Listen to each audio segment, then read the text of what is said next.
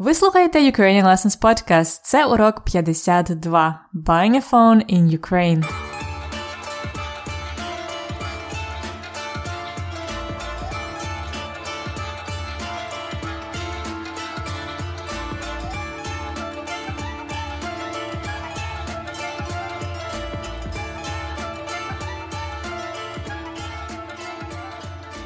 Привіт-привіт! Це Анна, ваша вчителька української.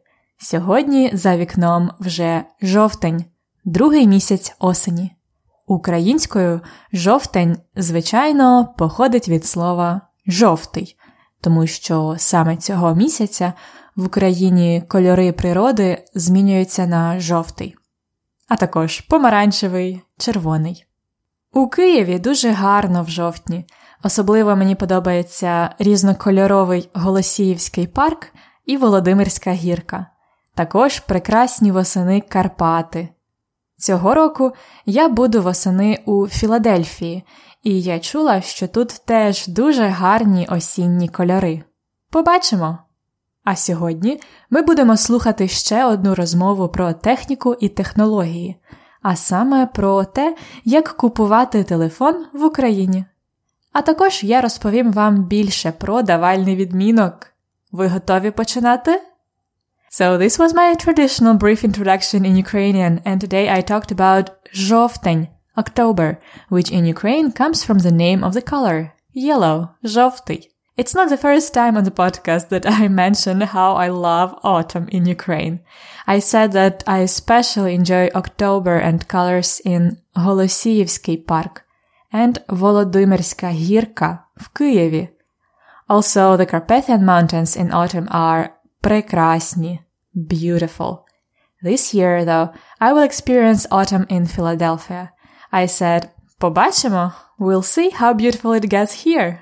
And today, we are talking about техніка і технології again about buying a phone specifically. Also, be ready to study more about давальний відмінок, the dative case. Ви готові? Почнімо! Якщо ви хочете купити телефон або смартфон, це можна зробити в магазині техніки. What do you take into consideration when buying a phone? It should be швидкий, fast, швидкий. You can choose if you want to buy великий телефон, a big phone, чи малий або невеликий телефон. Not a big phone. Small size phone. Дешевий телефон. Дешевий. Cheap. Або дорогий. Expensive. Дорогий. To use a phone to make calls, you will need SIM-карта. SIM-карта. Usually, if you have the same SIM-карта or мобільний оператор as your friends, you can телефонувати їм безкоштовно. Call them for free. Безкоштовно. For free. Безкоштовно. Добре. Зараз ви будете слухати діалог. Це формальна розмова. Говорять жінка і продавець. Дайте відповідь на запитання 1. Що купила жінка? Що? What? Купила бот жінка. A woman. Слухайте і дізнайтеся. Добрий день. Добрий день. Як я можу вам допомогти? Я хочу купити два телефони синові і доньці. Скільки їм років? Максиму 12, а Марійці 10. Це будуть їхні перші смартфони. Можу вам порадити iPhone. Вони дуже подобаються підліткам. Я думаю, зараз їм не потрібен такий дорогий телефон. Тоді можете взяти їм ось цей. Він невеликий і швидкий. Мм, добре, покажіть мені його. Ось, будь ласка. Добре, мені підходить. Вам потрібні сім-карти? Так, дайте мені, будь ласка, life. Якщо в мене life, я можу телефонувати їм безкоштовно, так? Так, правильно. Ось ваші телефони і сім-карти. Чи можу я вам ще якось допомогти? Ні, дуже дякую вам. Будь ласка, на все добре. До побачення. То що купила жінка? Вона купила два телефони і дві сім-карти. Note how we use the numeral two. We use два with masculine телефони and дві with feminine сім-карти. So we use дві only with feminine nouns, like сім-карта, сім-карти, дві сім-карти. То повторіть. Вона купила два телефони і дві сім-карти. Добре, а тепер слухайте діалог ще раз і дайте відповідь на запитання 2. Як звати дітей жінки? Як звати дітей жінки? What are the names звати of the women's kids? Дітей жінки. Слухайте вдруге. Добрий день. Добрий день. Як я можу вам допомогти? Я хочу купити два телефони синові і доньці. Скільки їм років? Максиму 12, а Марійці 10. Це будуть їхні перші смартфони. Можу вам порадити iPhone. Вони дуже подобаються підліткам. Я думаю, зараз їм не потрібен такий дорогий телефон. Тоді можете взяти їм ось цей. Він невеликий і швидкий. Мм, добре, покажіть мені його. Ось, будь ласка. Добре, мені підходить. Вам потрібні сім-карти?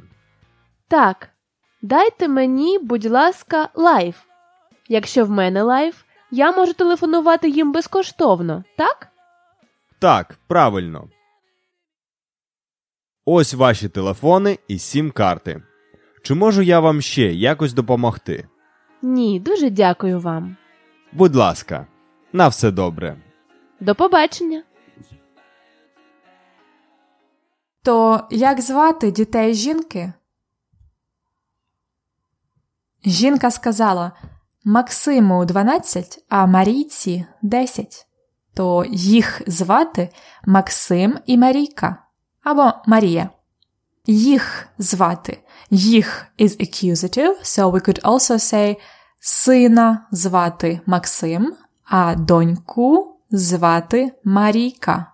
Максим і Марійка. Добре, today we're not talking about the accusative, though, we are learning давальний відмінок. The dative case. There was plenty of pronouns in the dative case in the dialogue. We learned them last time, remember?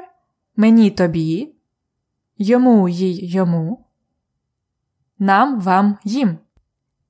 It's true that you will encounter much more pronouns in dative than nouns, like in the classic uh, shop uh, attendant's question. Як я можу вам допомогти? Як я можу вам допомогти? How may, may I help you? Or how may I bring help to you? Так? Допомогти we use with dative вам. It's indirect object of the recipient of the action to help. Some other examples in the dialogue were Можу вам порадити iPhone. Порадити is to advise, to recommend. Вам. Можу вам порадити iPhone.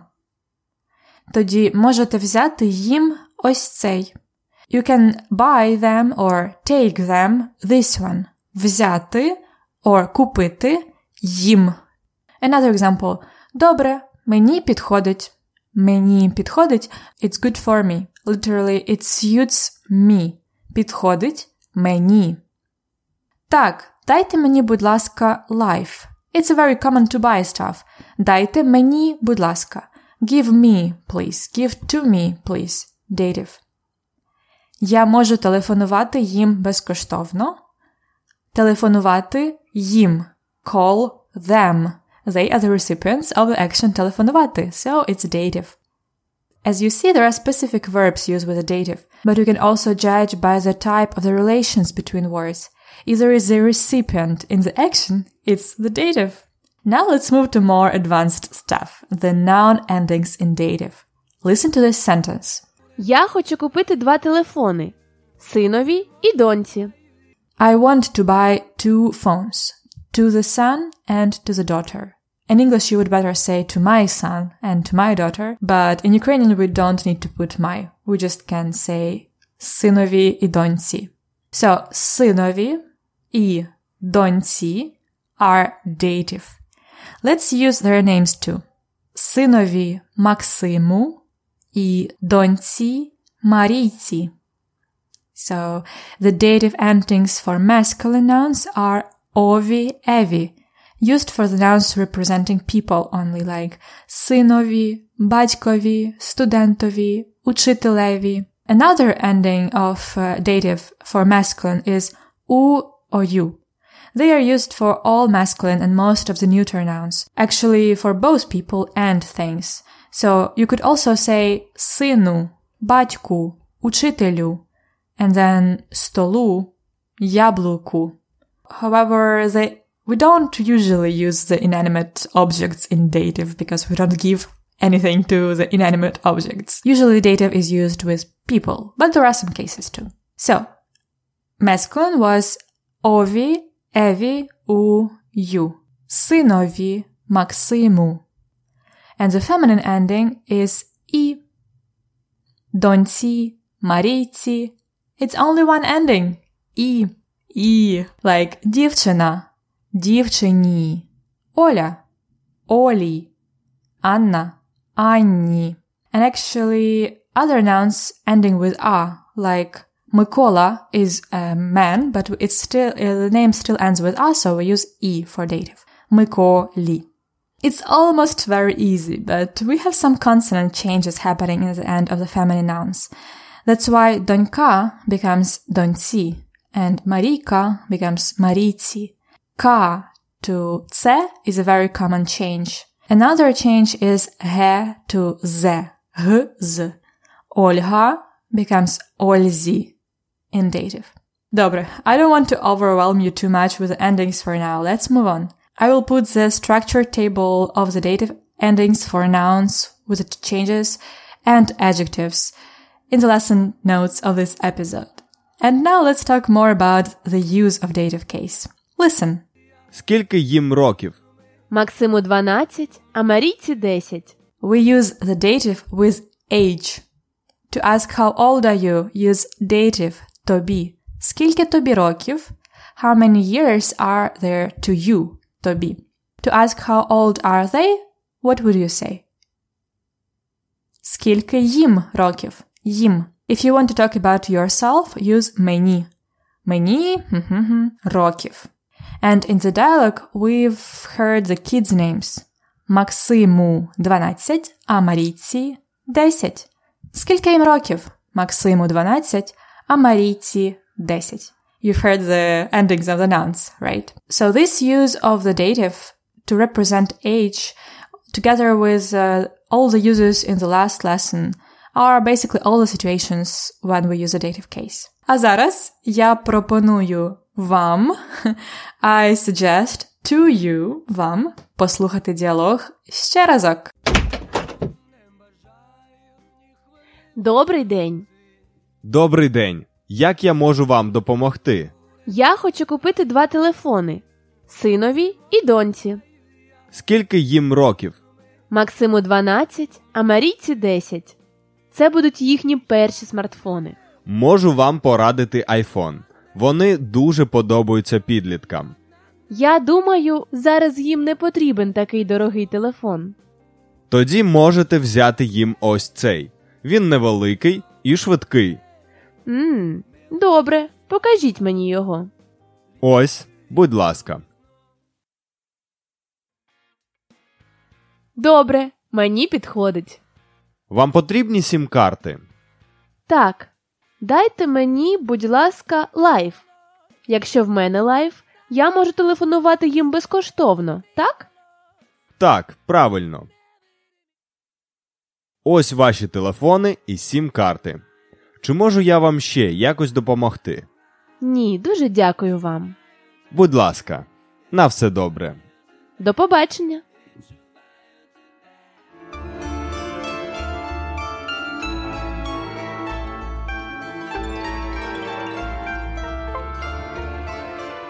трохи практики на подкасті.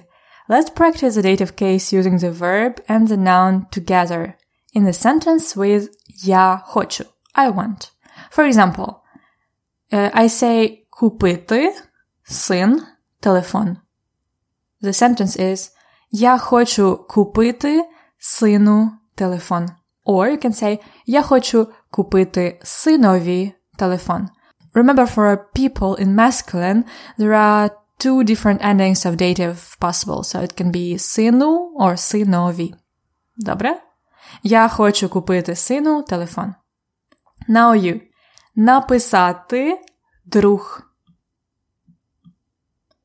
Я хочу написати другу. Другу. А what about написати подруга? Я хочу написати подрузі. Зі. Г changes to з. To my friend, a girlfriend. Далі порадити Іван.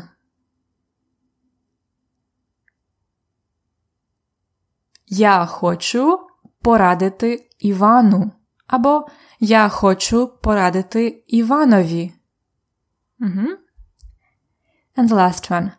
Дати. Give, так, дати Оксана номер телефону. Я хочу дати Оксані номер телефону. Добре? As always, listen again to the exercise if you like drilling to perfection. And check the lesson notes for more practice and detailed grammar in tables.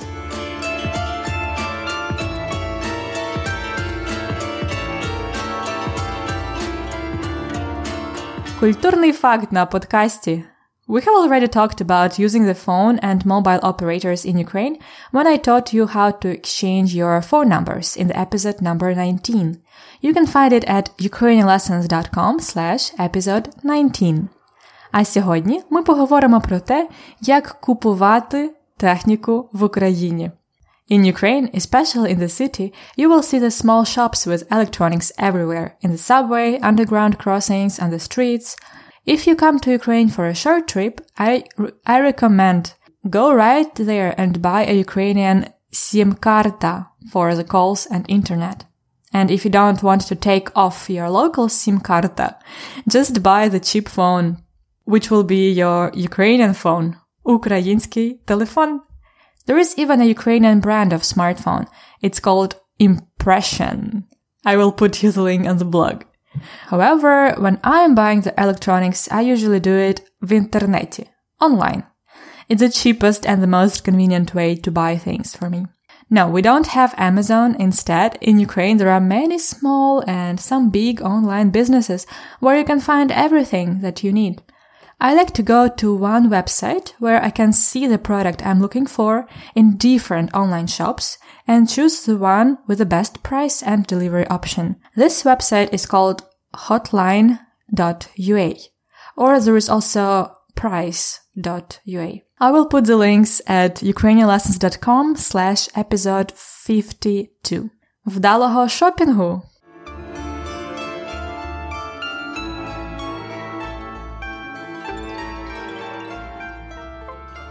Ось і все. Сьогодні ми багато вивчили про давальний відмінок і дізналися, як купувати техніку в Україні. Сподіваюсь, вам подобаються епізоди. Don't hesitate to let me know what you think about the podcast at ukrainianlessons.com slash testimonials. I enjoy your reviews and suggestions. If you still haven't, become a premium member to receive weekly lesson notes and flashcards every 10 episodes. Also, we've got the private community of Ukrainian learners on Facebook. Find out how to become a member at ukrainianlessons.com slash episode 52. До наступного тижня. До середи. Па-па!